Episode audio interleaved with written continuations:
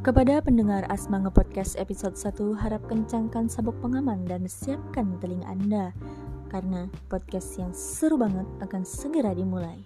Terima kasih.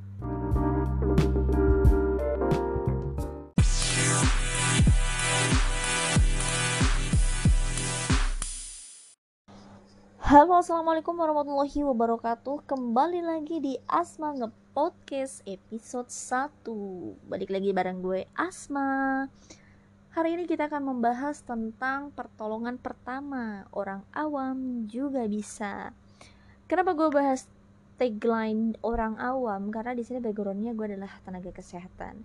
Jadi gue mau sedikit banyak berbagi sama kalian bagaimana sih caranya melakukan pertolongan pertama pada kegawat daruratan. Yuk, check this out.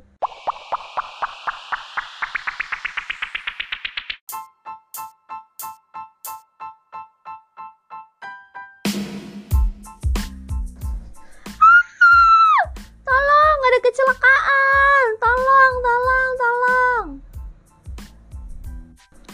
Oke, itu adalah salah satu contoh kondisi ketika seseorang mendapati situasi gawat darurat, misal menemukan orang kecelakaan atau ada orang yang tiba-tiba pingsan di hadapannya atau ya ada kondisi-kondisi gawat darurat lainnya. Oke teman-teman, halo, selamat siang gue Asma. Gue hari ini mau membahas tentang bagaimana tata cara melakukan pertolongan pertama pada kondisi gawat darurat.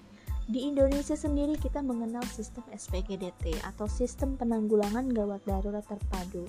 Kita punya tiga nomor gawat darurat. Yang pertama 118 untuk ambulans gawat darurat, yang kedua ada 113 untuk pemadam kebakaran dan 110 untuk kepolisian. Itu untuk kondisi-kondisi gawat darurat ya. Jangan sampai disalahgunakan. Oke. Kita mengenal ada tiga fase. Ini ada tiga fase penting. Yang pertama fase para rumah sakit, yang kedua fase rumah sakit, yang ketiga fase pos rumah sakit. Yang menjadi sorotan kita hari ini adalah fase pra rumah sakit. Kenapa pra rumah sakit menjadi sorotan? Karena first responder atau orang yang pertama kali menemukan atau orang yang pertama kali ada di tempat kejadian biasanya adalah orang awam. Orang awam di sini ada dua jenis, ada orang awam biasa, ada orang awam khusus. Dan kebanyakan adalah orang awam biasa yang mendapati di lokasi kejadian. Siapakah orang awam biasa itu? Orang awam biasa adalah masyarakat umum, pejalan kaki, anak-anak sekolahan, pedagang, itu adalah orang-orang biasa, orang awam biasa.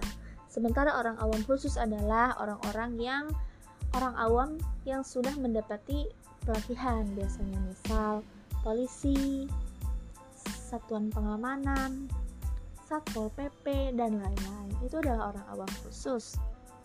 Nah, di sini yang menjadi sorotan kita adalah orang awam biasa.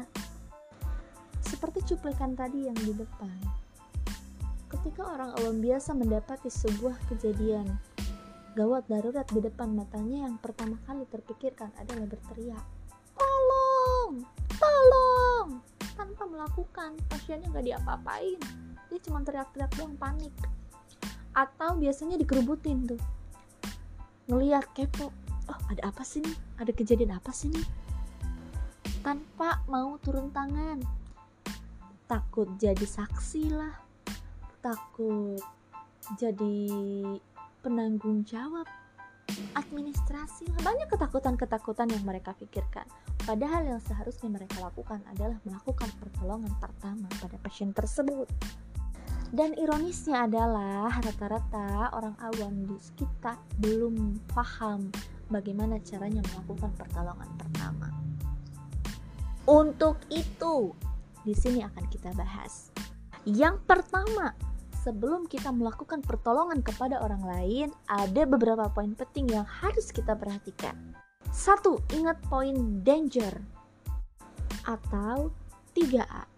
Yang pertama, aman diri, aman lingkungan, aman pasien. Amankan diri dulu, sebelum kita menolong orang lain terutama orang itu adalah orang yang tidak kita kenal. Atau misalkan orang yang kita kenal tapi tidak tidak tahu riwayat sakitnya itu seperti apa. Amankan diri kita terlebih dahulu.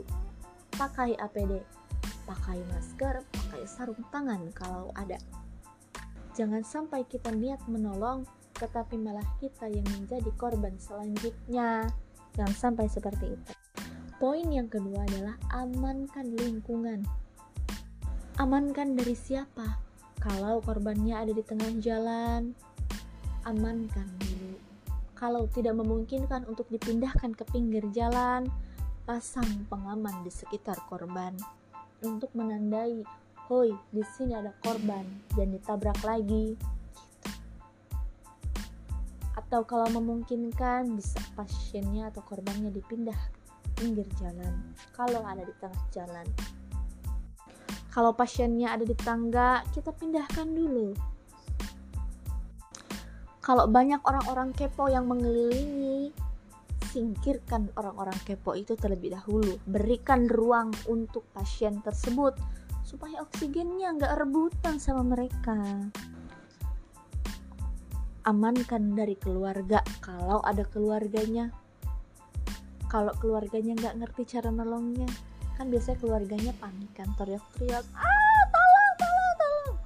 Amankan ibu tolong minggir sebentar saya akan menolong pasien ini atau saya akan menolong suami ibu atau saya akan menolong pacar siapalah itu terserah. Amankan lingkungan. Yang terakhir baru amankan pasien. Kalau diri udah aman lingkungan udah aman baru amankan pasien. Kita tolong pasiennya step yang pertama kita cek respon pasien. Pak, pak, pak. Pak, pak, pak. Kita tepuk, cukup ditepuk dadanya saja pakai dua telapak tangan. Pak, pak, pak. Gitu. Kita panggil pasiennya. Kalau dulu kita ngecek respon itu dengan cara menekan-nekan dahi atau menekan-nekan sternum atau tulang dada pasien. Itu sudah tidak diperbolehkan karena itu akan menyakiti pasien tersebut. Kita cukup cek respon dengan menepuk dada. Pak, pak, pak. Jika sudah demikian, pasiennya belum ada respon. Kalau pasiennya ada respon, kita ajak ngobrol. Kita pastikan saluran nafasnya itu bersih. Kalau pasiennya nggak sadar, kita cek nadi sekaligus cek pernafasan selama 6 detik, jangan lama-lama kalau nggak ada nadi nggak ada respon. Jangan lupa call for help kita minta tolong. Ibu tolong panggilkan ambulan. Tadi telepon 118 atau panggilkan sistem pengamanan di rumah sakit apa di mall ini kalau tempatnya di mall. Atau kalau di bandara. Tadi sudah dicek nadi sudah dicek napas. Tidak nadi tidak napas. Kita harus langsung lakukan yang namanya RJP itu step per step step yang harus kita lakukan untuk melakukan pertolongan pertama pada pasien yang mengalami kegawat daruratan.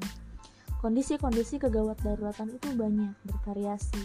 Ada pasien mengalami kecelakaan lalu lintas beruntun misalkan gawat, gawat darurat. Atau ada orang yang tiba-tiba mengalami penurunan kesadaran, kita harus cek dulu respon, aman diri dulu. Selanjutnya dicek respon pasien. Kalau misalkan pasien masih berespon, diajak ngobrol. Kalau misalkan tidak ada respon, baru harus kita RJP. Pertimbangkan untuk melakukan RJP dan panggil pertolongan. Yang menjadi poin penting dan harus digarisbawahi di sini adalah RJP. Apa itu RJP? RJP adalah resusitasi jantung paru atau kompresi dada yang biasanya suka kita tonton di film-film itu.